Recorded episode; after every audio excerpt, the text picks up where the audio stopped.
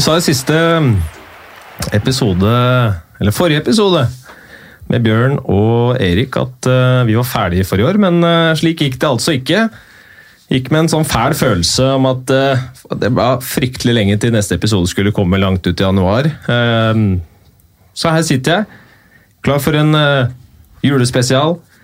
Vi er på vei inn i et nytt tiår og skal ta et tilbakeblikk på hva som har skjedd rundt norsk ishockey i, siden 2010 fram til i dag. Og det, det, har skjedd en god del. Med meg i studio så har jeg fått med meg en fin, eh, fin trio.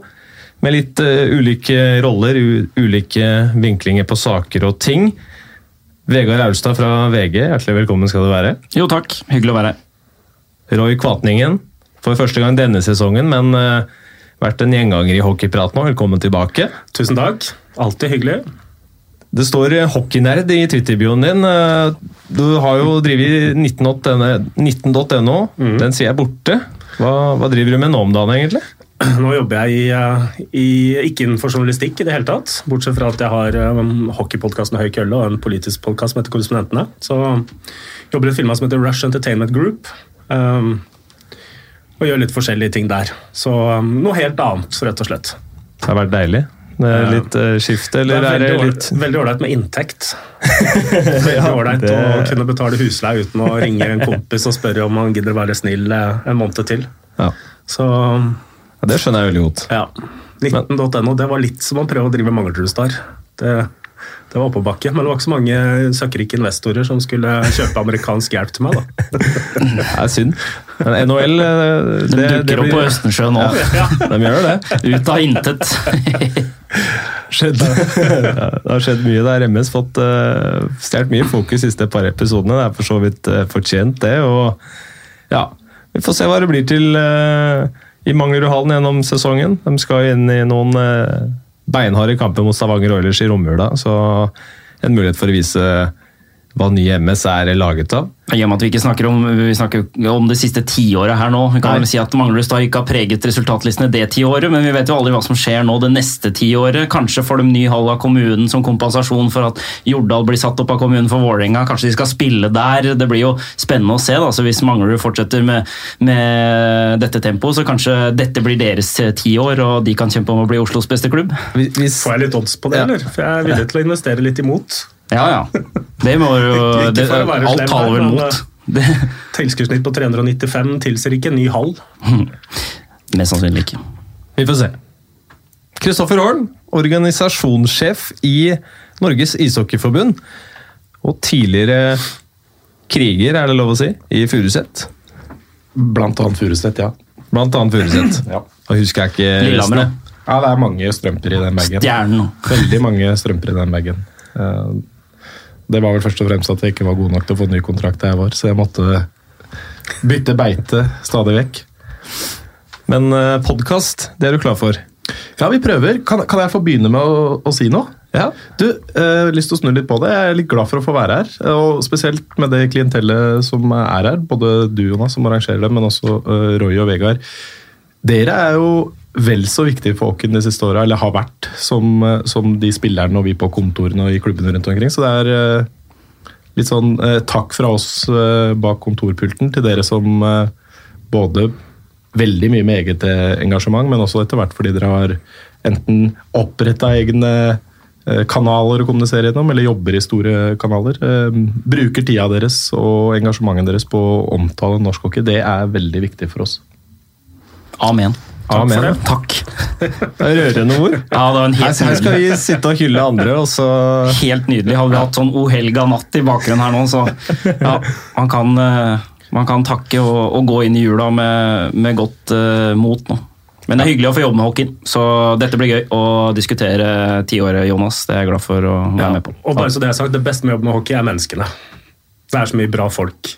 Det er sammenlignet med andre, det er mye bra folk i mange idretter, men hockeyfolk er så nydelig. Fra vår side da, av mikrofonen så er det så jordnært, og man er opptatt av å by på seg sjøl og skjønner at man er nødt til å hjelpe til for at det skal bli noe oppslag og noe oppmerksomhet. Så det er lett for oss også. Mm.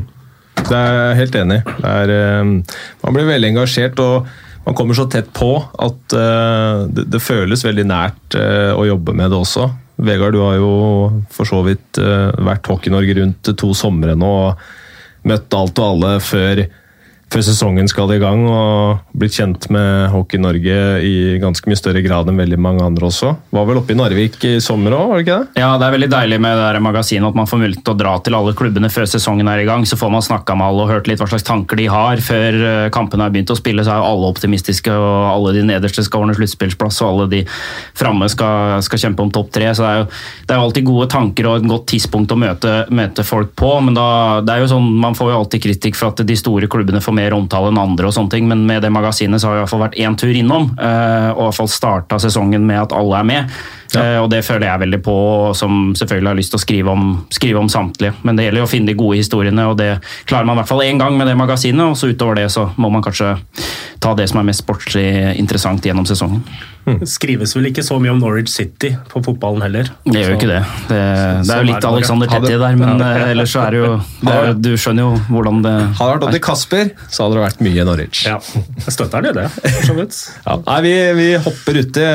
Vi, vi skal gjennom en god del. Um, og jeg tenkte at vi, vi starter med, med, landslaget.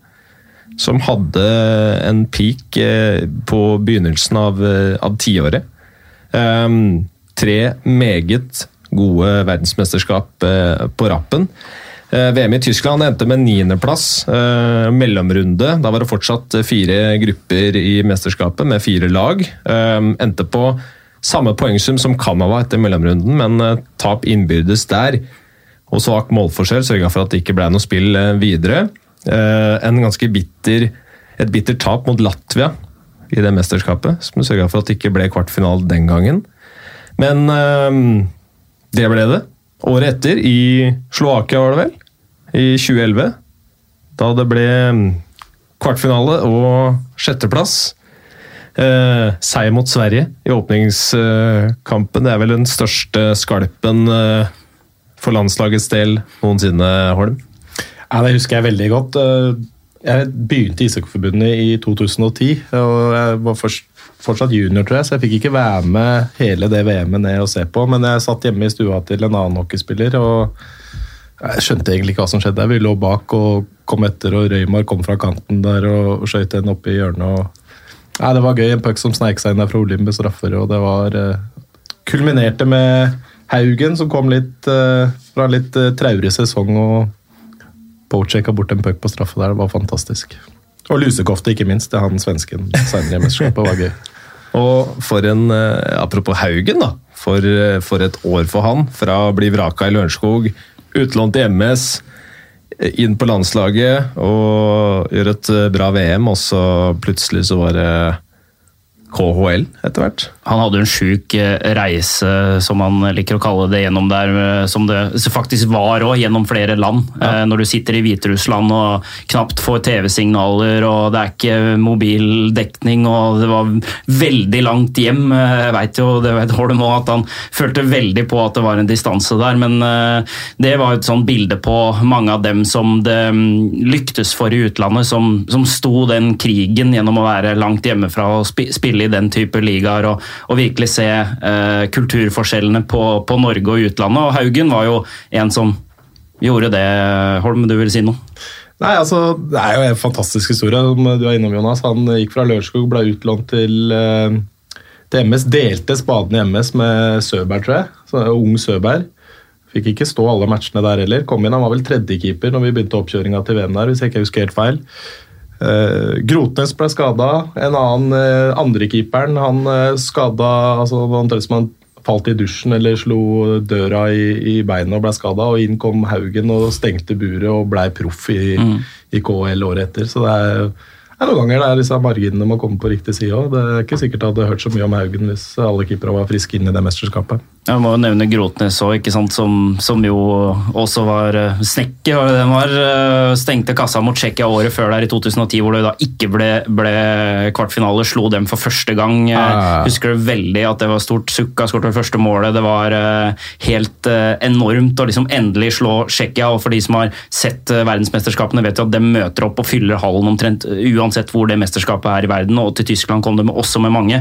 Og det å liksom stoppe dem når man har vært i VM og, og, og følt på den veggen som man møter med tilskuere som, som, norsk der. Eh, vi har jo heldigvis hatt med mange nordmenn på mesterskapet i alle år, men den blir små imot eh, mot øst som, som, har en kultur og, og, har tradisjoner på så høyt nivå. Så den der seieren i 2010 var enorm Eh, og da ble fulgt opp av to kvartfinaler i 11 og 12, mm. som jo gjorde at, eh, som du var inne på, landslagets peak da, eh, var vi ble, vi ble litt for bortskjemte med så, så, gode resultater som de hadde de tre åra. Så var det hvert av de årene der også det, det, ble jo kvartfinaletap mot Finland, som vant til slutt. Mm. Uh, året etter, i 2012, altså ble det kvartfinaletap mot Russland, som vant til slutt.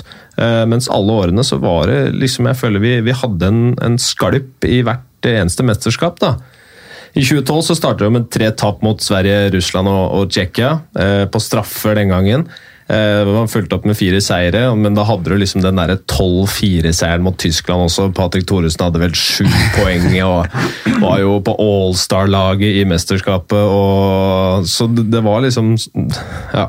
Det var nok å skrive hjem om, da. Den 12-4-kampen er noe av det villeste jeg har sett på TV med hockeyøyne. Det var altså, det bare rant inn der. og Tyskland er jo Det er ikke noe lag som er dårlig. Vi visste jo at dem alltid stiller opp og er bra, og Norge var kanskje på den tiden uh, kunne føles ut som at Tyskland visste at de måtte vinne kampen. Da, og, og, og, så ble det en kamputvikling på den måten. Og jeg husker en sånn historie i etterkant. Jeg husker Norge skulle møte Tyskland i fotball. Det var vel Drillo comebacket, vel, eh, om ikke det var ja, det. Eh, enda senere. Eh, da det ble spilt inn en promo hvor Mats Zuccarello ble bedt om å Ja, hvor det var sånn tolv grunner til at Norge slår Tyskland, hvor Zucca står på Jordal og bare nei, hockeygutta slo vel Tyskland 11 eller 12-4 i, i, i 2012, så så vanskelig kan det ikke være å slå Tyskland. Det var, eh, var, det den matchen de fikk ordentlig eh, juling? Jeg husker ikke. Drillo-comebacket. Da vant de 1-0. Christian Grindheim skåra uh, nede i, i, Tyskland. Gelsenkirchen, tror jeg. Uh, men vi har jo møtt dem senere i kvaliken og fått ordentlig juling, så det er mulig det var til den at uh, den promoen ja, Det, skal, det ja. må mulig noen arrestere meg på. Men allikevel. En, en, vanvittig kamp, og den tror jeg alltid kommer til å huske. Hmm. Det var um Eh, I altså, disse VM-tidene, her, hvordan var det å, å jobbe i forbundet? Du, du, har liksom Du har vært med på oppturen, da, Arn. Jeg har fått lov til det. Og så veit jeg ikke hvordan eh, stemninga er på kontoret hos deres, eh, altså men det begynner å bli en liten stund siden at man hadde en, en av disse ordentlige skalpene og kom seg videre til kvartfinalen osv. Så, videre. så hvordan var forskjellen å være i din rolle på den tiden kontra nå? og hadde du for så vidt forskjellige roller òg? Ja, litt forskjellige roller eh, altså hadde jeg. Eh, jeg husker veldig godt det VM der. og Jeg satt på tribunen alene der og, og, og var blodnervøs selv når vi leda med seks-sju mål mot uh, Tyskland. Til slutt fant jeg Marit Breivik og Jarle Ambe på tribunen som sa at nå må du puste. Det her går bra. de hadde tatt seg et par, de er kanskje litt Nei, jeg tror kanskje ikke de er typene til å ta seg et par. Der, men jeg husker det var en vanvittig spenning der. Det var litt sånn, sånn der, litt sånn overraskende opptur flere år på rad der. Eh, for meg, i hvert fall. Ehm, vi, var har jo ordentlig sånn. Og jeg syns spillemessig og det Stockholms-VM første da, var fantastisk. Eh, vi, vi, hadde vel de beste resultatene mot Russland også. Vi, vi hadde Russland både i, gruppa, ja. i gruppespillet og i kvartfinalen. og uh, Det var ingen lag som matcha Russland så, så ålreit som gjorde det, så det var, det var veldig bra. og Det, det, det VM-et enkeltspillere også leverte der med Patrick hadde vel, uh, var det bare Malkin som slo ham på poeng det var, Ja, han spilte vel to kamper mer enn den. Så, og på et lag som kanskje produserer det mer enn det Norge vanligvis gjør. Så det, det, det var fantastisk. Og så har du jo, uh, som du vel uh, hinter til og skal videre på, så har jo resultatene eh, stagnert litt etter det. I hvert fall ikke vært noen flere kvartfinaler. Vi skal ikke glemme, selv om noen helt sikkert har lyst til å kalle det et bananskall, at Norge var i OL-kvartfinale for første gang for, for ikke så altfor lenge siden. Men hvis vi holder oss til VM, så har jo resultatene stagnert litt. Men vi har ikke rykka ned ennå. Det har jo kommet. Eh, flere nasjoner opp. Hockeyen har utvikla seg i mange mange land. Så det at det gikk så bra de åra, må man nesten på en måte glemme og huske som noe historisk bra. Og så må man jobbe mot å få en sånn opptur igjen. Men det blir jo litt sånn eh, Man merker jo det nå at det blir, det blir litt for mye negativ prat foran mesterskapene. Man kan jo gå inn på alt det her med altså, Det kommer en ny nasjon hele tida. Storbritannia var i, VM i år og, og var meget bra. Det kommer spillere fra Ungarn eh, som plutselig kommer opp som en nasjon som ikke har vært her tidligere. Mm. Så et, altså, Nå må man nesten bli fornøyde med at uh, Norge holder plassen i A-pulja, og så kan man krydre med en eh, kvartfinale som vi kanskje klarer å komme oss til på et eller annet tidspunkt igjen. Det er, det er jeg veldig enig i. De kvartfinaleopplevelsene har ødelagt litt sånn for senere år med tanke på forventninger der. Fordi går, i, gå i, eh, Manglerudhallen, eh, 300 tilskuere. eh, Grünerhallen, 300 tilskuere. Det er toppserien i Norge, og vi skal, vi skal til kvartfinale, ellers er vi skuffa. Det henger jo ikke på greip. Jeg skjønner at man ønsker det. Men jeg syns man bør faktisk være litt fornøyd med at man holder seg, selv om det er defensivt. Jeg skjønner at man ikke kan sette det som mål hvis man er trener og spiller og går inn i det, men så lenge Norge holder seg A-pulja, så, så er jeg ganske happy med det, altså med, med tanke på ressursene. Og så vi må jo se på Jeg syns det er å på en måte ta Østerrike og Italia så greit som vi gjorde i mesterskapet i år, og på en måte beholde plassen og, og, og det med, med mulighet til å klatre i siste kampen mot Latvia, hvor eh, vi taper, dessverre, gjør jo at eh, prestasjonen egentlig er ganske god eh, mot land som har bra ressurser. Hvis du skal gå til kvartfinale, så må du passere Sveits, da, som jo er rangert som den fireren i gruppa. Og i Sveits så har du eh, vi, vi var der nå på, på landslagstid, jeg var med i landslaget. Og du har en hall oppe i en fjellandsby med 2000 innbyggere i underkant av det. På 1600 meters høyde så er det en ishall som Norge kunne ha matchoppvarming i. Eh, Det er ikke noe logikk som tilsier at det skal være ishall der. Hadde det vært i Norge, så du kan jo bare glemme det. ikke sant? Eh, Og Sog sitt akademilag omsetter for like mye som Sparta sitt A-lag. Ja, Var det ikke dobbelt så mye? Ja, Jeg synes dobbelt så mye var det kanskje. Ja, det var den jeg så. det. Var den jeg så. Uh, Og de har så mye ressurser at Fredrik Sødestrøm trener i nest, på nest øverste nivå. Ja, nettopp. Og han øh, har et, øh, han har et A-lag som har kjempemasse millioner. Så det er liksom det er, dette, det er de vi må passere, da. Så øh, Der Sveits har tatt de stega, og hvor privat næringsliv har spytta inn penger, hvor man i Norge kanskje har hatt DNB, man har hatt Telenor, sånne type firmaer, Tele- Telia, Get, altså type sånne firmaer som har investert i sporten, mens det private næringslivet kanskje ikke har sett så mye verdien av idrett så, så er jo det selvfølgelig en helt annen diskusjon, men, men det, det mangler man i Norge, mens man i utlandet gjerne har det. da. Og, og F.eks. i Sveits, men også i Østerrike, som vi jo slår, og som rykka ned. Hvem er det vi er det vi sammenligner oss med, eller hvem er det forbundet ser til? Man skal se liksom på trender eh, hos- lignende nasjoner. Danmark er jo f.eks. kanskje mye mer nærliggende enn Sveits. eh, og det er jo ingen tvil om at Danmark er i hvert fall flinkere til å få fram NHL-spillere enn det Norge er. Eh, hvordan er situasjonen sånn totalt sett? Eh, Ja, det er, det er et kult spørsmål, egentlig. Ehm, fordi at eh, det altså, Hvis vi snakker norsk hockey, da, så norsk hockey er ikke bare A-landslaget heller.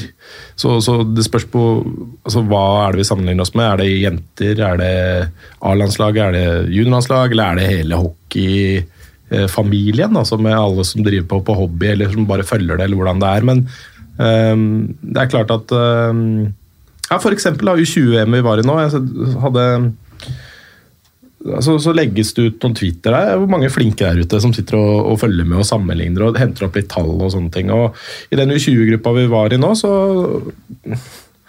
det, det er jo de nasjonene kanskje som vi på junior kjemper med, og den gruppa var jevn. Og det har det vært de siste åra. Du kan like gjerne rykke opp som rykke ned, kanskje. Um, og, og vi kjemper mot eh, land som, som Latvia, hvor hockeyen er veldig stor.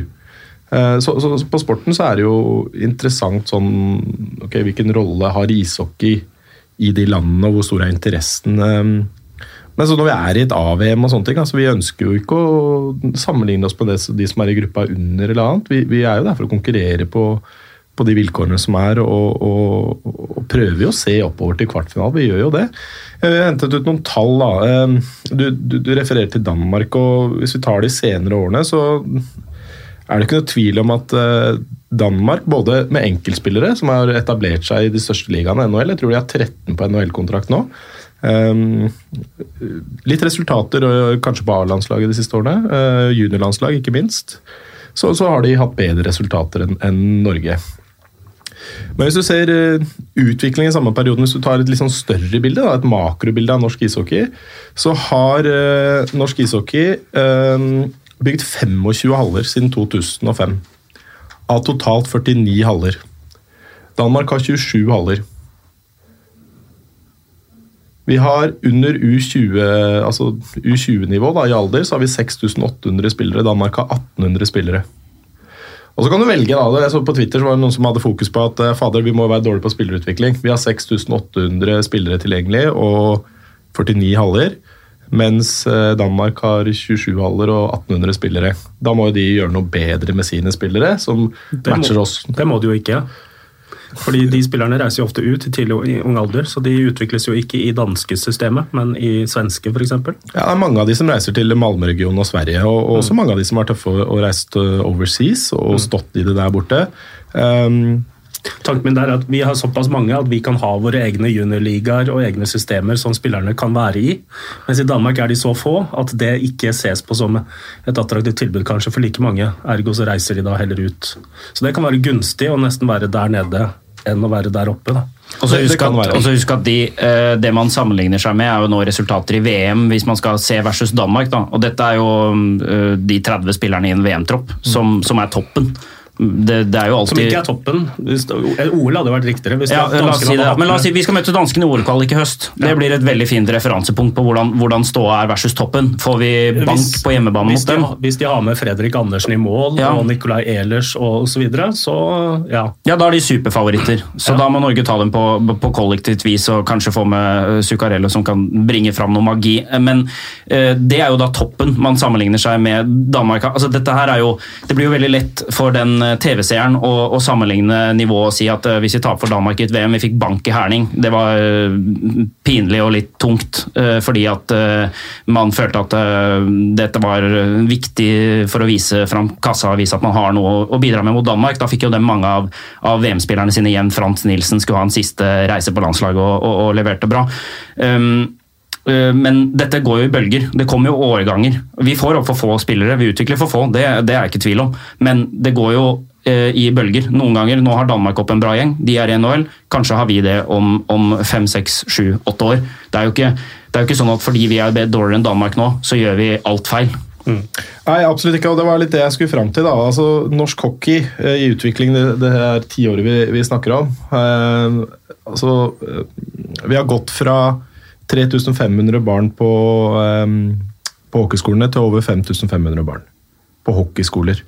Eh, vi passerte for første gang nå i fjor 10 000 lisensierte spillere, i, den, eh, altså lisensierte spillere i Norge. Det er en vesentlig økning, nesten 4000 tror jeg, fra, fra 2010. Um, eh, det er blitt bygd ja, jeg tror det er 23 haller. Pluss, og i tillegg kommer jo nye Jordal med ungdomshall og, og Fredrikstad sin opplegg og Asker. Så det har skjedd noe subs med substansen i norsk hockey. Altså, jeg, var, jeg var livredd når vi begynte at dette var en døgnflue. At vi gjorde det bra sportslig. Kanskje vi ikke møtte så mye konkurranse fra det norske landslaget, i fotball og andre, som gjorde at vi fikk mer medieplass og andre ting. Og så var det gode resultater i en periode. Og, og Hvis ishockey skal vokse til å ta mye større plass og bli en stor del av, uh, av norsk kultur egentlig, og idrettskultur, så, så må, vi, uh, må, vi, sørge for å spre oss, og vi må bli flere og vi må få bedre grunnlag. Så hvis jeg som investor skulle sitte og kikke på Danmark. 1800 spillere under 20-alder, 27 haller. Norge 6008, 49 haller og flere på vei. Uh, ok, kanskje, La oss si da Danmark har vært bedre på spillerutvikling, uansett hvilke faktorer som teller inn, eller, eller hva det enn har vært, de siste fem årene. Um, eller sju årene. Som i hvert fall gitt de bedre resultater. Så jeg har sett hvor ville jeg gått inn, og hvor kunne jeg lagt med minst ressurser, fått tuna produktet og skapt mer eh, resultater, så vet jeg hva jeg hadde valgt. Så jeg tror Klubb-Norge i hockeyen, spillerutvikling har blitt bedre fra, fra grunnen av. Altså Hvis en halv åpna i 2010, den har ikke rekke å fått opp niåringer engang. i de nye miljøene, Så dette vil komme. Det tar 20 år før Danmark har, eh, har 20 eh, haller til, eller har 50 mm. haller. Så uh, la oss uh, jeg, jeg, Du var litt innom det, Jonas. altså ok, Hva er forskjellen på når jeg begynte der i 2009-2010 der, til, til, i dag? Er at Kontoret var seks personer i Norges ishockeyforbund. Nå har vi 16, pluss at vi har langt flere på avtaler og rundt og bygd. Klubb-Norge altså det har blitt eh, mye større og mye bedre. Fått flere haller, det er, det er, mer engasjement. Vi får mye mer oppmerksomhet ute. Så er det masse ting vi må bli bedre på hver eneste dag. Og den som sitter og tror at de på forbundskontoret eller de i klubba eller de som bruker hjertet sitt eh, og kroppen sin og huet sitt hver dag på norsk hockey, ikke ønsker de samme tinga som, som, de som eh, sitter og, og kanskje ikke har en offisiell rolle, men som følger med og er glad i hockeyen. De tar feil. Vi griner griner som alle andre når vi ikke har råd til å kjøre den samlinga eller arrangere det VM-et hjemme, eller hva den skal være. Vi, vi, vi, har lyst til å oppnå alt dette, her, men samtidig så skal vi hensynta hele norsk ishockey. Det skal være der for barn, det skal være for samhold, det skal være for supporteren, det skal være for forelderen, det skal være for jenter, det skal være for para, det skal være for veldig mange. Samtidig skal vi prøve å lage en topp. og Det er denne balansen som er interessant òg, da å bygge en substans på. Og så, og så, må vi nok innrømme at eh, resultatene har gått litt bakover på juniorlandslag spesielt de siste årene. Eh, så, så, er det andre som kanskje er i stand til å mene mer om det enn meg, både Ishockeyforbundet og andre som jobber tettere på selve sporten. Men uh, i det, mikro, det bildet jeg ser, så, så syns jeg vi på en måte er Jeg har lyst til å tegne et bilde at vi er litt sånn ferdig med den lille nedoverkonjunkturen. Jeg tror jeg har kjent på det mest smertefulle med en med en generasjonsendring kanskje på toppen. Vi ser mange spennende typer som kommer opp, og vi er bedre i stand som forbund og som klubber til å ta vare på disse yngre eh, spillerne som kommer, og utvikle de, og er veldig spent på det. Så håper jeg flere også tør å stikke nesa si ut av landet, og flere er gode nok til det. Fordi det er ikke noe tvil om at hvis vi skal konkurrere mot Russland og disse, så kan vi ikke Norske Gateligaen blir antageligvis ikke eh, blant topp fem-ligaer i verden med det første. Så hvis vi skal ut og konkurrere om kvartfinaler, semifinaler og, og VM-finaler, så må vi nok hente de spillerne til landslagene fra, fra ligaer som som er blant verdens beste ligaer. For det gjør de andre nasjonene. Jeg skal prøve å gi meg på utviklingsdiskusjonen, men dette, her, dette kommer inn, her snører inn på mange forskjellige tråder i, i, forskjellige retninger. og For å konkludere litt sånn som jeg uh, forstår og opplever det, så er jo forbundet flinke på, på det med bredden, og, og damehockeyen har tatt steg. Følg gjerne hockeyjentene på Instagram. Det er jo kjempemorsomt å se dem fra innsiden som på en måte tar tak i ting sjøl, viser fram sin hverdag, og dette er jo selvfølgelig viktig. og Dette er jo sånn som fra politisk hold er viktig, og den norske idrettsmodellen. altså Vi er jo flinke på å få alle med, uh, favne bredden bredden. Alt dette her er jo sånn som Norges idrettsforbund uh, legger fram sine, sin måte å jobbe på. Så er det jo det der med toppidretten i Norge, som jo er vanskelig på flere idretter. Fotballen driver uh, sunt fordi at de har mange investorkrefter inn, men mange driver med røde tall, og, og det er privatpersoner som garanterer for, for underskudd. Mens vi, i håndballen og, og hockeyen har trøbbel med å, å få inn nok penger. Så det er jo litt sånn alle, det er ikke forbundet som kanskje kan ta ansvar for alt heller. Det er jo mye opp til den enkelte spiller hvorvidt den går, om vil utvikle seg. Klubbene som skaper gode treningskulturer. Se landslaget. Det er jo en årgang her som har drevet det landslaget opp og fram, og da, da er det på, topp, på toppnivå. Mens eh, på liganivå så er det noen helt andre som må ta ansvar. Der må jo norsk hockey, topphockey og, og klubb, klubbene gå sammen selv for å finne ut hvordan man vil ha det. Og Der kommer den diskusjonen som har tatt her tusen ganger hos oss i VG om at vi må få med Trondheim, Bergen, alt det her. Det sier seg selv, men det vet alle lytterne her som hører på også. Så ja. den, den, trenger vi ikke ta. Et par ting jeg har lyst til å bemerke der. Jeg liker eh, perspektivet om, eh, om å utvikle bredden og, og, og barnetilbudet. Eh, og vi med, jeg startet med å snakke om hvor fine folk det er.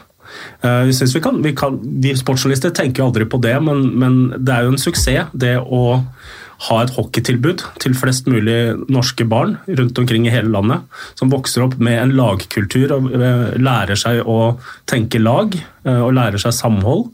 Det er en slags suksess i det også, som ikke vi sportsjournalister tenker på før, før vi eventuelt ser det på toppen. Det er det ene. Det andre er noe helt annet, og det handler om, eh, om å ivareta de neste juvelene. Det har vi også snakket litt om før, men jeg er usikker på hvor bra man kommuniserer med eh, talentfulle spillere som Tobias Flateby, Mathias Emilio Pettersen. Hvor mye kommunikasjon har forbundet og landslagstrenere med dem, og hvor ønsket føler de seg? Det er jeg også litt usikker på. For det er viktig. Hvis, hvis Emilio Pettersen blir en NHL-stjerne, så er det gunstig for Norge at han kommer til VM, at han gidder det hvis laget hans er slått ut. Uh, sammen med andre som eventuelt havner i NHL senere. Jeg må Vi må nesten litt videre. Eh, vi kunne sitte og snakke om det her i flere timer, det veit jeg. Eh, Dere er hjertelig velkommen tilbake for å snakke enda mer om utvikling av norsk hockey og andre ting. Eh, Men vi skulle jo se tilbake på tiåret her. Det her er selvfølgelig veldig viktig, veldig viktige ting.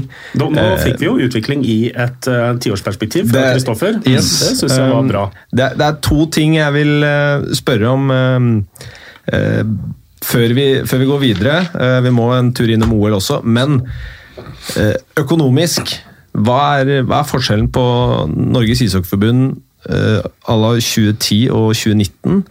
Eh, og hva vil et nedrykk fra AVM eh, Hva vil det gjøre?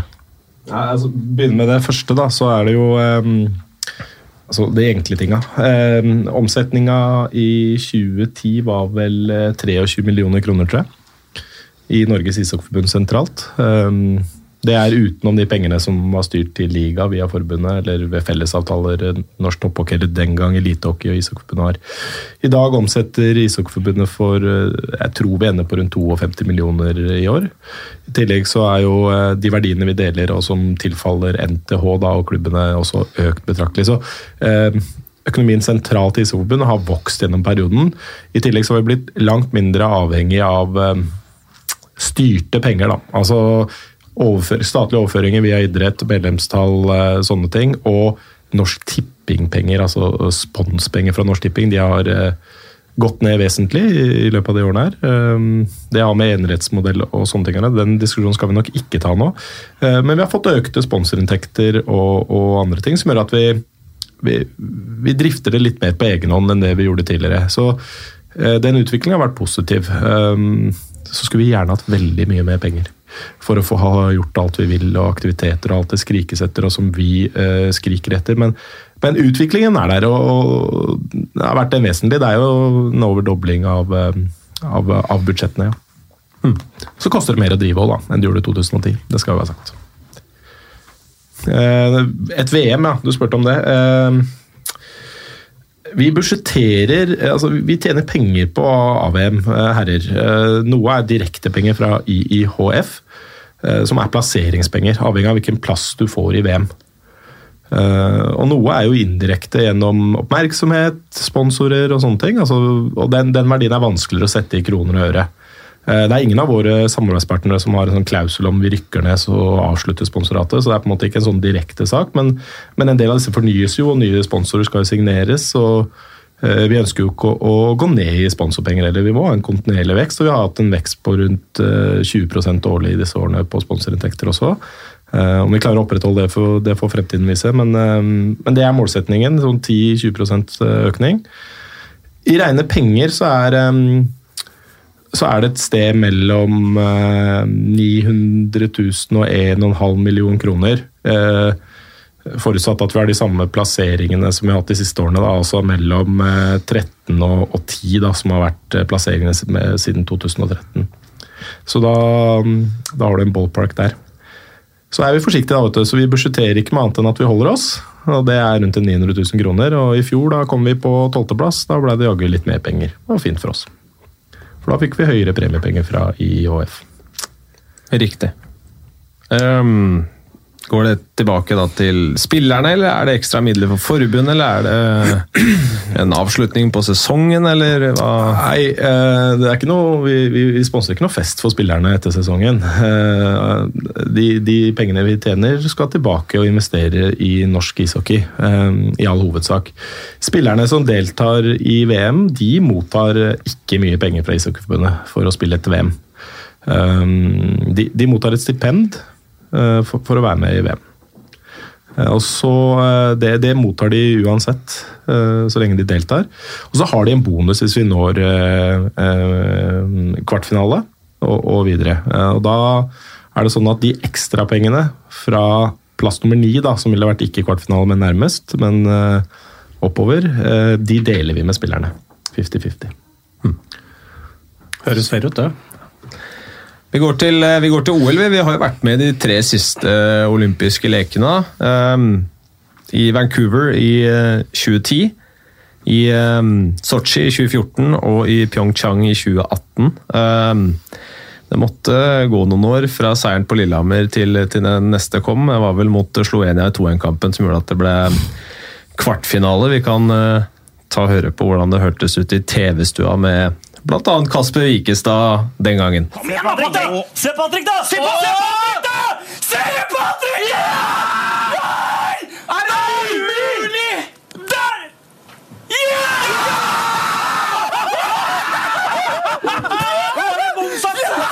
Det var Bonsa, vet du! Det var Bonsa! For et spill av Patrick Olsen i forkant der! Han gjør det helt aleine. Ha det, Slovenia! Vi er i kvartfinale, gutter! Bonsa.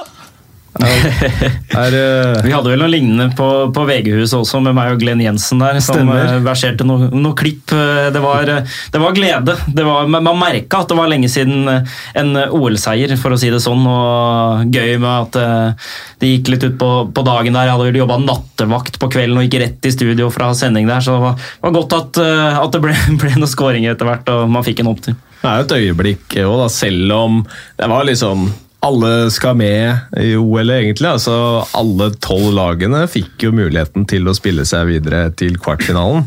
Ehm, Men når kampen ble som den ble, eh, så kom jo følelsen også. Slovenia med tverrleggerskudd i, i, like før der, når Bondsaksen satt eh, utvist. og Så går ikke så veldig lang tid, plutselig så, er, så avgjør han sjøl òg. Et, ehm, et eh, morsomt hockeyøyeblikk uten tvil. Ble Bonsa toppskårer Han ble OL, OL-toppskårer for noen år. det er sjukt, To mål. Det er Ja. sjukt. Og nesten syndebukk der med utvisning. Eller, altså, Og det året var jo ikke NHL-spillerne med, det må jo med i, i, i, i eh, oppsummeringen her. Og Tyskland, som vi snakka om i stad, var, var vel i finalen, og det kan man se fortsatt på eh, rankinga, at det nyter de godt av. De er eh, over oss der foreløpig, så vidt jeg veit.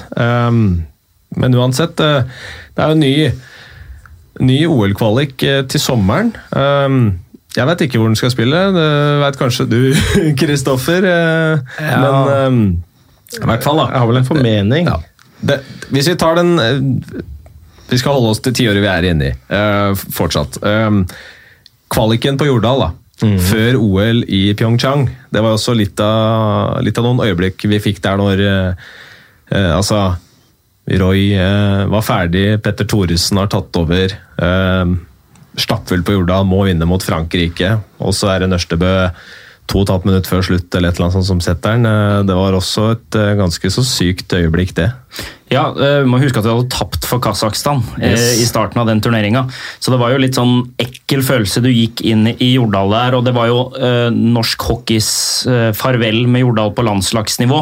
Man fikk jo avskjedskampen på Jordal for Vålerenga-supporterne og de andre Oslo-folket som følte seg eh, kalla til å dra dit senere, men dette var jo stappfullt, som du sier. Jeg husker jeg gikk inn der og, og, og satt på langsida, var ikke på jobb. eh, Så ut på, på svingen opp til venstre der, og det var jo så fullt på sitteplassene at folk sto, som man husker øverst der. Det var litt den derre stemninga, selv om det ikke var mørkt ute fordi det var tidlig på høsten, så var det, der, det ble den der lukka følelsen du hadde på Jordal, om at du hadde det massive trøkket rundt deg, og du satt med det presset om at Frankrike måtte slå, så det var jo også litt nærmere den tiden at vi hadde levert såpass bra på landslagsåret som vi var inne på innledningsvis i, i, i podkasten her òg, at det, den der kampen mot Frankrike den må vi eh, slå. Og så husker man jo at de der Da Costa-brødrene de, de skapte problemer for oss hver eneste gang vi møtte dem i VM. Vi pleide å, å, å slå dem på de, det tidspunktet der, men de, er ekle og, og gode. Og så uh, har du Zuccarello, som heldigvis er så påskrudd som han kan være i den kampen. Leverer uh, det første målet, mens eh, Nørstebø avgjør det.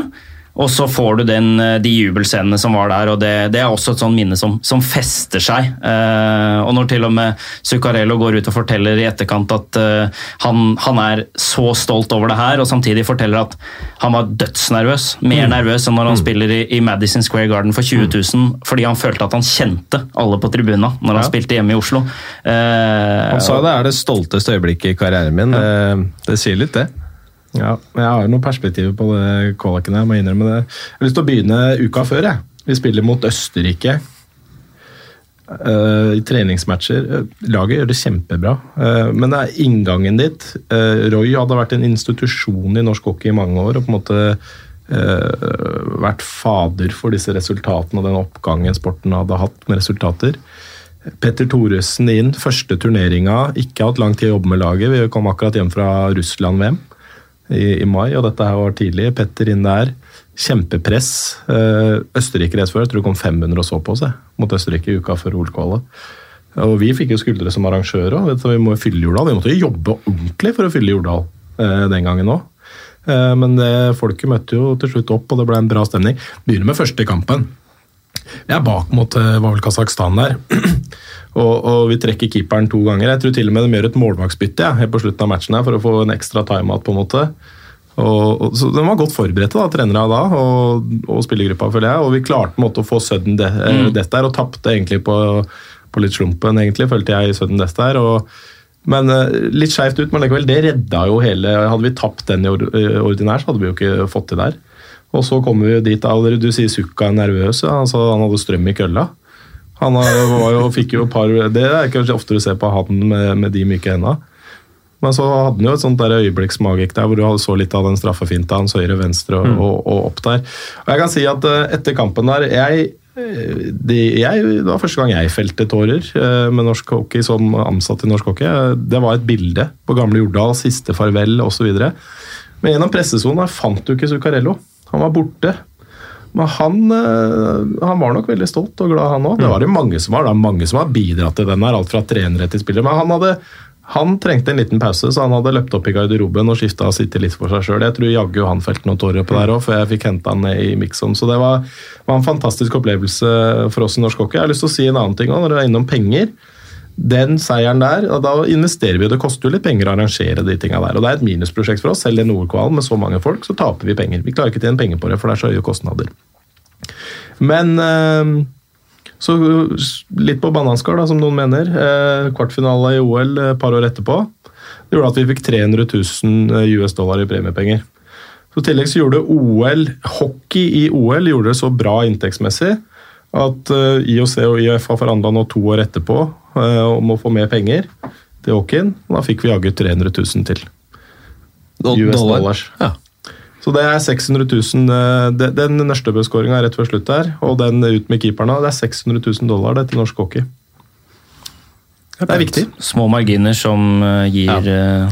stor gevinst. Det var vel en, en, familie som har vært med på å sette farge på norsk hockey dette tiåret, og i mange tiår for den saks skyld, er jo familien Thoresen. Eh, Patrick var jo involvert eh, med scoring i den kampen mot Frankrike, han også vel. Um, og så har du um, Han er vel dobbelt Ja, 2011-2015 dobbelt uh, mester i Gagarin uh, Cup i Russland, i uh, KHL, med Ufa og St. Petersburg, eh, som vi nevnte i stad, Allstar-lag i VM i 2012. Eh, SHL MVP i 15-16-sesongen. Eh, totalt sett i KHL så har han vel 417 serie- og sluttspillskamper, 381 poeng. Det er, eh, det er jo sinnssyke tall, det han har levert også. Ja.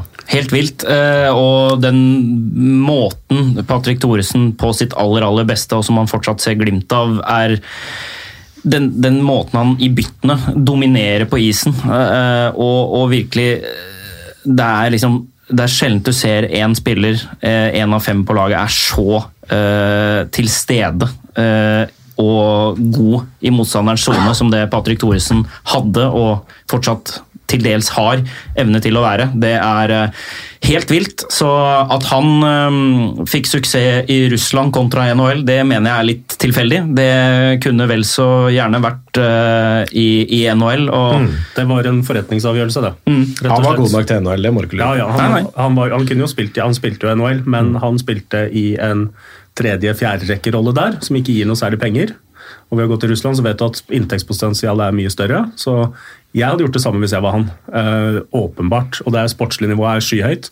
Det å dominere i KL sånn som han gjorde, det, han kunne absolutt spilt i en, minst en andrerekke i NHL og tjent uh, um, fem, seks, sju millioner dollar per sesong. Men det hadde tatt litt tid å komme dit. Ja, det hadde det nok. Så han hadde nok tjent Men se litt på hvem han spilte med i Russland. Da. Altså, han spilte jo med Kowalczyk, han spilte med Radulov. og Han, han står ikke mye tilbake for en poeng produksjonsmessig eller rolle i laget eller noen ting. Det er, det, er, er godt gjort som nordmann inn i den sterke ligaen med de profilene i det samme laget og ta den rollen han har gjort. og han Det sier litt om personligheten eh, der og Han er superstjerne. altså Når det er russere på gata i Karl Johan, eh, skjedde senest før VM, stopper han og spør om bildet fortsatt. Altså, han, er, han er svær, altså. Så det er jo det er jo bare det at KHL er mindre i Norge, at han ikke får den samme stjernestatusen fordi at NHL er det største. Sånn er det jo om du spiller i Premier League versus uh, Championship.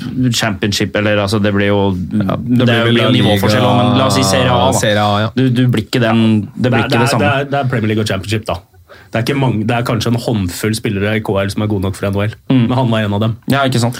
Men jeg har lyst til å, det har jeg lyst til å gi uh, Patrick den greia. Altså, han har gått den lange veien. Han har jobba hardt. Ja. Hvis du begynner å se Ja, på hvor tidlig han dro ut Tidlig han dro ut, Noen av de setbackene han kanskje uh, mottok, eller møtte på der ute. Mm. Uh, de valgene om å flytte bak Uralfjellene der for å, for å gjøre karriere fra, uh, fra familie. Mm. Kanskje ikke de mest naturgitte eh, altså fysiske forutsetningene heller. Men han er smart, tøff, jobba knallhardt med der han kanskje har vært svak. Vinnerskalle. Så han, eh, det er ikke mange som har tatt den lange veien han har gjort, og oppnådd den suksessen han har gjort. Han har, har ikke fått noe gratis, han heller. altså. Mange norske hockeyspillere som hadde spilt i NHL hvis de hadde hatt skallen hans. Ja, tror jeg. Kanskje. Men altså, det i hvert fall For en ja, en sjuk vinnerskalle. Vi må videre. Vi begynner klokka begynner å renne fra oss. Eh, Vi har ganske mye vi skal eh, gjennom. Eh, Så vi fortsetter, og vi skal ha en tur over på Vestlandet. Spets. Og så er det over. Gratulerer, Stavanger Oilers! Gratulerer, Stavanger by! Gratulerer, Ruben Smith! Gratulerer, Petter Thoresen! Pål Gulbrandsen! Og gratulerer Tore Kristiansen med nok et NM-gull, med nok en kongepokal!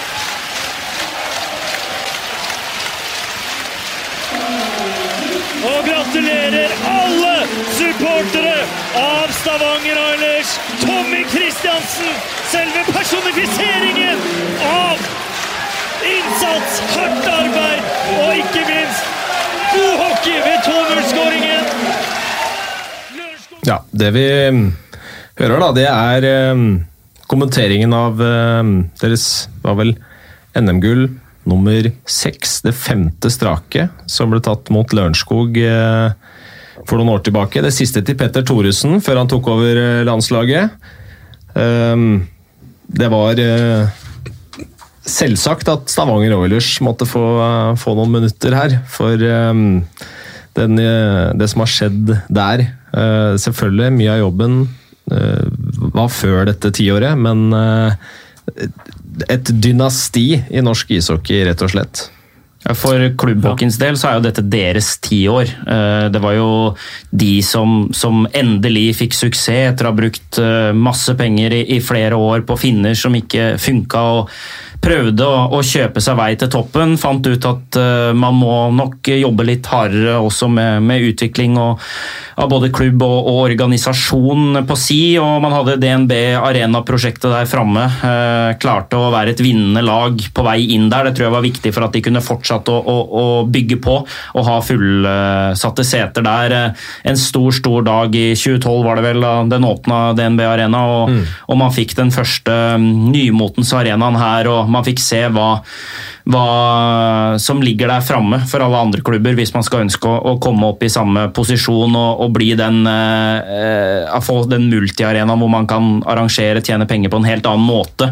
Eh, og Stavanger Oilers, da, som gikk fra eh, at eh, Christian Dahl Andersen og sånn dro over og fikk penger i konvolutter, og det var eh, typisk sånn kokos-hockeystemning til at eh, Tore Kristiansen og, og flere fikk, fikk skikk på sakene, og Petter Thoresen på sport hadde en spillergruppe som, eh, som i mange år var eh, vinnerskaller. og eh, de bygde det laget de hadde og, og ble fantastisk gode. og Drev på mange måter klubbhockeyen framover og, og legger grunnlaget for hvordan Jordal bygger hallen nå, hvordan Frisk Asker skal gjøre sitt, og de andre har gjort oppgraderinger. Så er de jo, de, de ønsker jo å være med på å fortsette og, dytte norsk ishockey i, i, i riktig retning. Ehm, det er vel eh, noen samtaler mellom forbundet og par av de, ehm, de viktigste bidragsyterne i Oilers eh, hva gjelder framtida. Du, du, hadde jo en eh, artikkel om det i magasinet, Vegard, hvor de snakker om hvordan de ønsker å endre norsk ishockey. Da kan du kanskje gjenta litt av det som, det som er ønskene eller tankene der? Ja, det er jo litt sånn Tore Kristiansen personlig som eh, legger frem det han og Paul Higson var vel også med i den. De har jo litt like tanker, selvfølgelig. Har kontor en meter fra hverandre, så det er jo klart de, de tenker på litt samme måte. og Det handler jo om å, å, å se an hvordan norsk hockey kan bli ved å, å sette litt større krav til hvordan eh, toppligaen skal være. Kanskje gjøre litt mer eh, sånn som de gjør i Tyskland, at du, nesten har en franchise-modell hvor du må søke om plass i ligaen. og Da er på en måte junioravdelingen på plass, du må omsette for så og så mye, du må ha en halvstørrelse til sånn og sånn, garderober må være sånn og sånn. Og Da er det på en måte et eh, litt skrik etter at en eliteorganisasjon, om det er norsk topphockey eller om man danner en ny en, klarer å, å, å skissere en slik modell, hvor man da på en måte jobber sammen for å ta inn et eh, Trondheim kanskje om tre år, eller en Bergen der og der. Tore Kristiansen er veldig klar på at han klarer å finne investorer dersom kommunene vil, vil være behjelpelige. Eh, så han har jo vært i Trondheim og, og, og lagt fram sine tanker til bystyret der, eh, og er klar for å gjøre det samme i Bergen. Så man er jo veldig prisgitt det i et land som Norge, at enkeltpersoner tar tak. og Da er det jo viktig at eh, noen med både lommebok, men eh, vel så gjerne gode tanker tar eh, Og erfaring. Paul Higson har vært daglig leder der i 15 år eller noe sånt nå. Kristiansen har vært med hele veien, så de, de har jo erfaring i hvordan man bygger opp en klubb fra intet. Så, ja, fra 2004, som 2004, ja. ordentlig inntoget mm. til, ja. til, Tore var i Stavanger. Ja, og Higgson ble vel ansatt 2005 eller noe sånt, tror jeg. Ja. Er ikke helt sikker på det. Eh, men uh, uansett, den erfaringen med å bygge det opp, uh, den tror jeg ikke vi skal skusle bort. Jeg er veldig fan av tanken om uh, en mer franchise-modell hvor Bergen og Trondheim kan slippe nedrykk ja og, kan, ja, så er det litt sånn der, Du kan jo ikke garantere for at uh, altså Nå kom jo de inn i DNB Arena som et vinnerlag og hadde full hall, og det var jo den, den, moten. Det er jo ikke gitt at Trondheim og Bergen, hvis de skulle inn på samme tidspunkt eller med et års mellomrom, hadde vært det med en gang. Så da er det viktig å ha noe forretnings... Det var jo ikke så mange Roilers heller. Eh, da de gikk inn i DNB Arena, så var det jo det. Jo, men da hadde de jo bygd opp klubben. Ja, ja, ja nettopp. Men, men da, er liksom, da, er det viktig at de kommer med erfaring til Trondheim og Bergen og sier at det, ja, la oss si, det er jo sikkert ikke noen vinner som skal inn i hallen der. Da må du liksom ha noen tanker om hvordan skal vi drive klubben sunt. Uh, og hva slags erfaringer gjorde dere dere de årene det ikke gikk så bra. Sånn at uh, man i hvert fall selger til investorer et produkt som man har lyst til å spytte inn penger på. Du kan jo ikke selge en sponsorbod i Kongsvinger ishall, dessverre. Det er, liksom, det, det er, derfor de nye hallene må fram, og at, at, de står klare. Jeg vet ikke om det er sunt å tenke klubb heller. Jeg synes heller man skal bruke begrepet bedrift. Ja. Hvis du skal lokke investorer til, hvordan skal denne bedriften tjene penger? Hvordan skal denne bedriften bygges opp? Hmm. Ja, er, jeg kan kommentere litt på det. Det er altså et uh, eh, har uh, et utvalg eller, eh, som de har eh, valgt skal representere seg i eh, forhandlinger med Norges ishockeyforbund. Og når vi sitter sammen nå i en strategiprosess for, for toppen, da, altså Gateligaen. Men det berører jo også andre ligaer på toppen her, definitivt.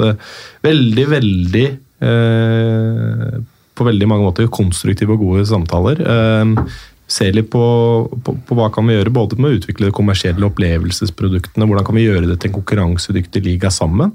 Vi lytter til eh, NTH og de klubbene som har gjort sin reise. Det er, det er flere med Tore som, så, som, mener mye av det samme, og også i Ishockeyforbundet. Og så er det hensyn å ta utover eh, rent Gateligaen også. Det er disse balansene vi sammen prøver å finne nå. Og så I det så vil det være smertefulle prosesser både for Ishockeyforbundet, det vil være det for eh, NTH-klubbene og, og, andre. og Det å finne den balansen Jeg tror vi skal tørre å være litt råe. Eh, og det, det, opplever jeg at de, eh, både Gateliga-klubbene som er representert der, i hvert fall, og Norges Idrettsforbund er villige til å se på og, og, være. Eh, og vi ser vel på nå på nyåret en gang, så det, skal vi nok gå ut og dele litt mer om den prosessen i fellesskap. For da begynner det å nærme seg en konkludering av en innstilling der. Så skal jo det være en del av en større strategiplan da, for norsk hockey. Ja, som sagt, Vi må rase litt igjennom. Jeg har altfor mye på lista mi her nå, men vi har vel egentlig fem minutter igjen. Ehm, vi må kjapt innom Iskrigerne. Den kan vi ikke la slippe. Ehm, ganske Jeg har sett mange, mange som har prøvd på noe av det samme ved andre klubber, men det er vel ingen, ingen som har fått det til i like stor grad her i Norge, Vegard? Nei, og det hadde selvfølgelig fantastisk eh, effekt på, på å vise fram hockeyen, eh, norsk klubbhockey, til et bredere publikum. Så vel som jenter som andre norske gutter som fikk høre om det her og syntes det var dritkult å se gutta på sædklinikk se Jan Tore Kjær gå rundt på kontoret og, og, og, holde på på sin måte. Eh, samtidig som man fikk sportslige, kule situasjoner. Da Chouinard fikk sparken, så var man på mange måter med på innsiden på det prosjektet. At Eh, på den prosessen hvor man så, så det for første gang. Og, og så har du TV-underholdning-biten med at man bygde opp profiler som, som Cola-Roar, som, som, viste fram frivilligheten og, og det, de folka da, som er i klubbene. Så den, den var flinke til å speile alle sidene av, av uh, norsk hockey, og så fikk man noen sportslige nedturen ved at uh, Vålerenga ikke gjorde, gjorde, så godt der. Uh, så for seriens fortsettelse så hadde man jo sikkert digga om det hadde vært én sesong hvor de vant. Hmm. Andre ting eh, i, eh, som har skjedd, da, eh, for å kjøre en liten kjapp oppsummering her før vi går inn på det siste emnet. Storhamar var jo på randen til konkurs tidlig i tiåret. Var tilbake på toppen av, av tronen i norsk ishockey i 2018. Tapte da NM-finalen for Frisk Asker i 2019. Um, Frisk Asker var vel første seieren deres på var det 17 år, uh, tror jeg. Mulig at, det, at jeg bommer med noen par år der, men det får, det får bare være.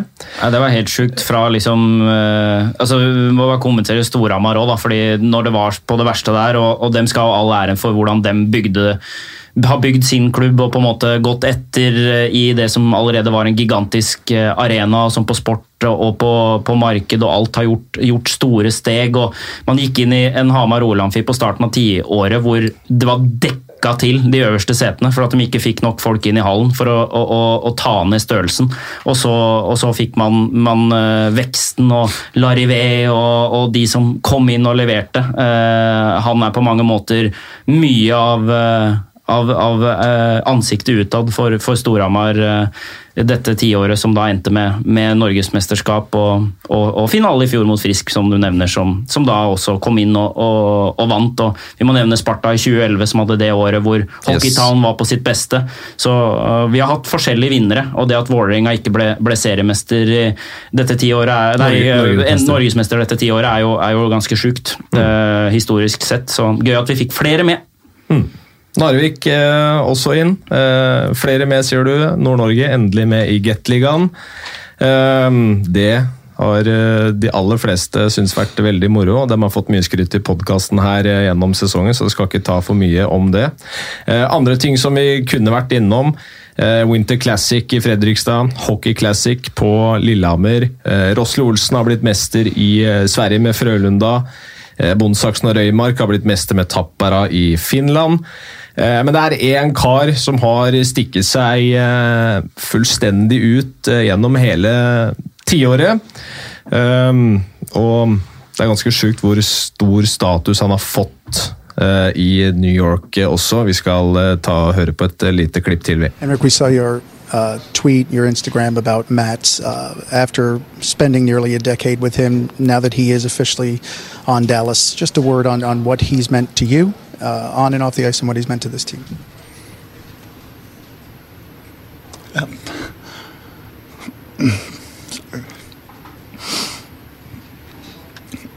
It's tough. Good friend. sorry.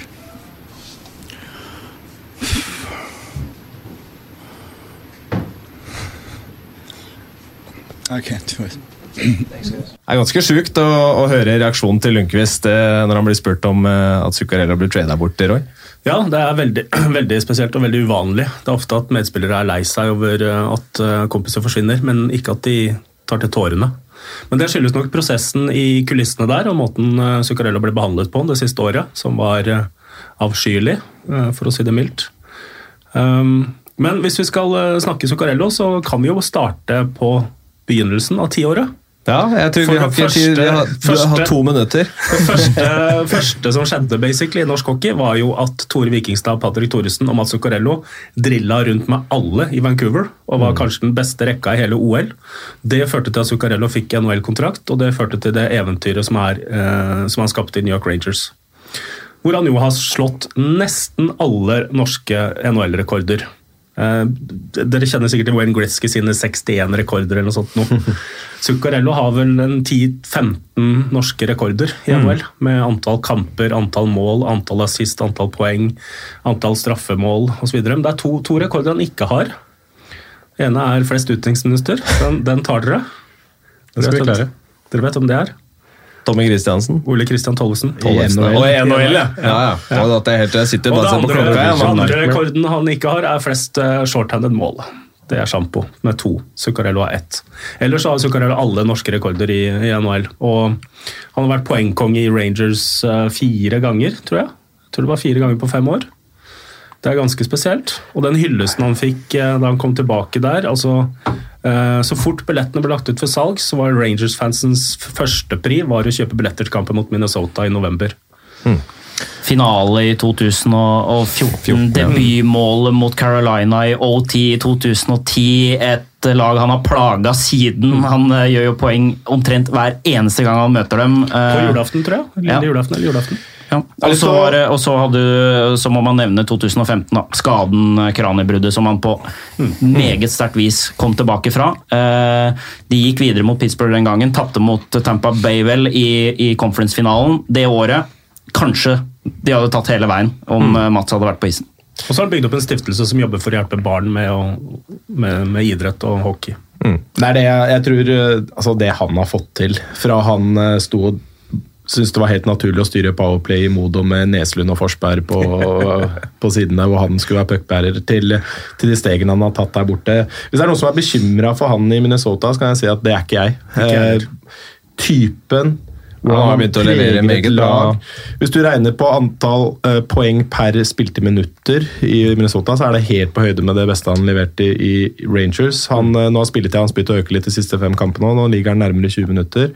Um, han ligger på et målsnitt nå som runder akkurat 50, eller poengsnitt til 50. Det her kommer til å gå bra. Han trivelig gutt som eh, er grei mot folk, og, men har en spiss ved seg. Da. Han, er jo, han har jo mye meldinger og sånn, men han, han kommer til å ta bare, få en større og større rolle i det laget, jeg er helt sikker på. Både som menneske utenfor og på isen. Så det, det der er en fantastisk representant for norsk ishockey. Når det gjelder det med Minnesota Wild, da, når man snakker om det laget der, som har ganske mange veteraner som gjerne har opplevd en del i, i hockeyen. Zack Paris har i OL-finalen. Han har hatt mange gode år hvor han har levert kjempebra. Du har Eric Stahl som, som har spilt med Zuccarello før og kan gå god for hvor god han er. Og, og Ryan Suter og alle disse som har opplevd mye, og som kanskje trenger det lille pushet. Og der tror jeg Mats Zuccarellos evne av isen er helt enorm. Vi vet jo at han er at all rosen han får i garderoben, men bare når man ser det klippet som, som da han danser før oppvarming i Minnesota der, så tror jeg det at han, han er jo veldig opptatt av leken ved hockeyen. og Hans råd til andre norske hockeyspillere er jo å kose seg med hockeyen. og Jeg tror at han får, gjør at presset på skuldrene til disse spillerne blir litt mindre, og at de koser seg litt mer med hockeyen. og Det gjør at de stjernespillerne gjennom sesongen her kanskje får et eh, push fram, tilbake til gamle høyder, og som gjør at Minnesota tar den sluttspillplassen, og da kan alt skje. Ja, det Beklager, vi er tomme for tid, rett og slett. Vi er på overtid. Jeg blir halshogd av produserne på Messenger her nå, så vi er nødt til å runde av. Um, Beklager, men eh, det var veldig hyggelig å ha dere med. Det ble intenst på slutten her. Um, vi, får, eh, vi får ta en samling igjen og, og diskutere, eh, diskutere mer ved en annen anledning. Um, uansett, hjertelig takk for at dere kom. Kristoffer Holm fra forbundet, Roy Kvatningen. Hockeynerd, tidligere eller, driver av 1981 og Vegard Aulstad fra VG. Hyggelig å ha dere med. Og hjertelig takk til alle dere som eh, har vært med gjennom episoden også. Vi er tilbake med en ny hockeyprat i eh, januar. Da er også Bjørn Erik og Erik Follestad tilbake. Så skal vi ta runda med et litt deilig lydklipp som får fram eh, følelsene til alle som elsker norsk eh, ishockey. Og god jul til alle. Og god jul til alle, selvfølgelig. Fortsatt god jul. God jul.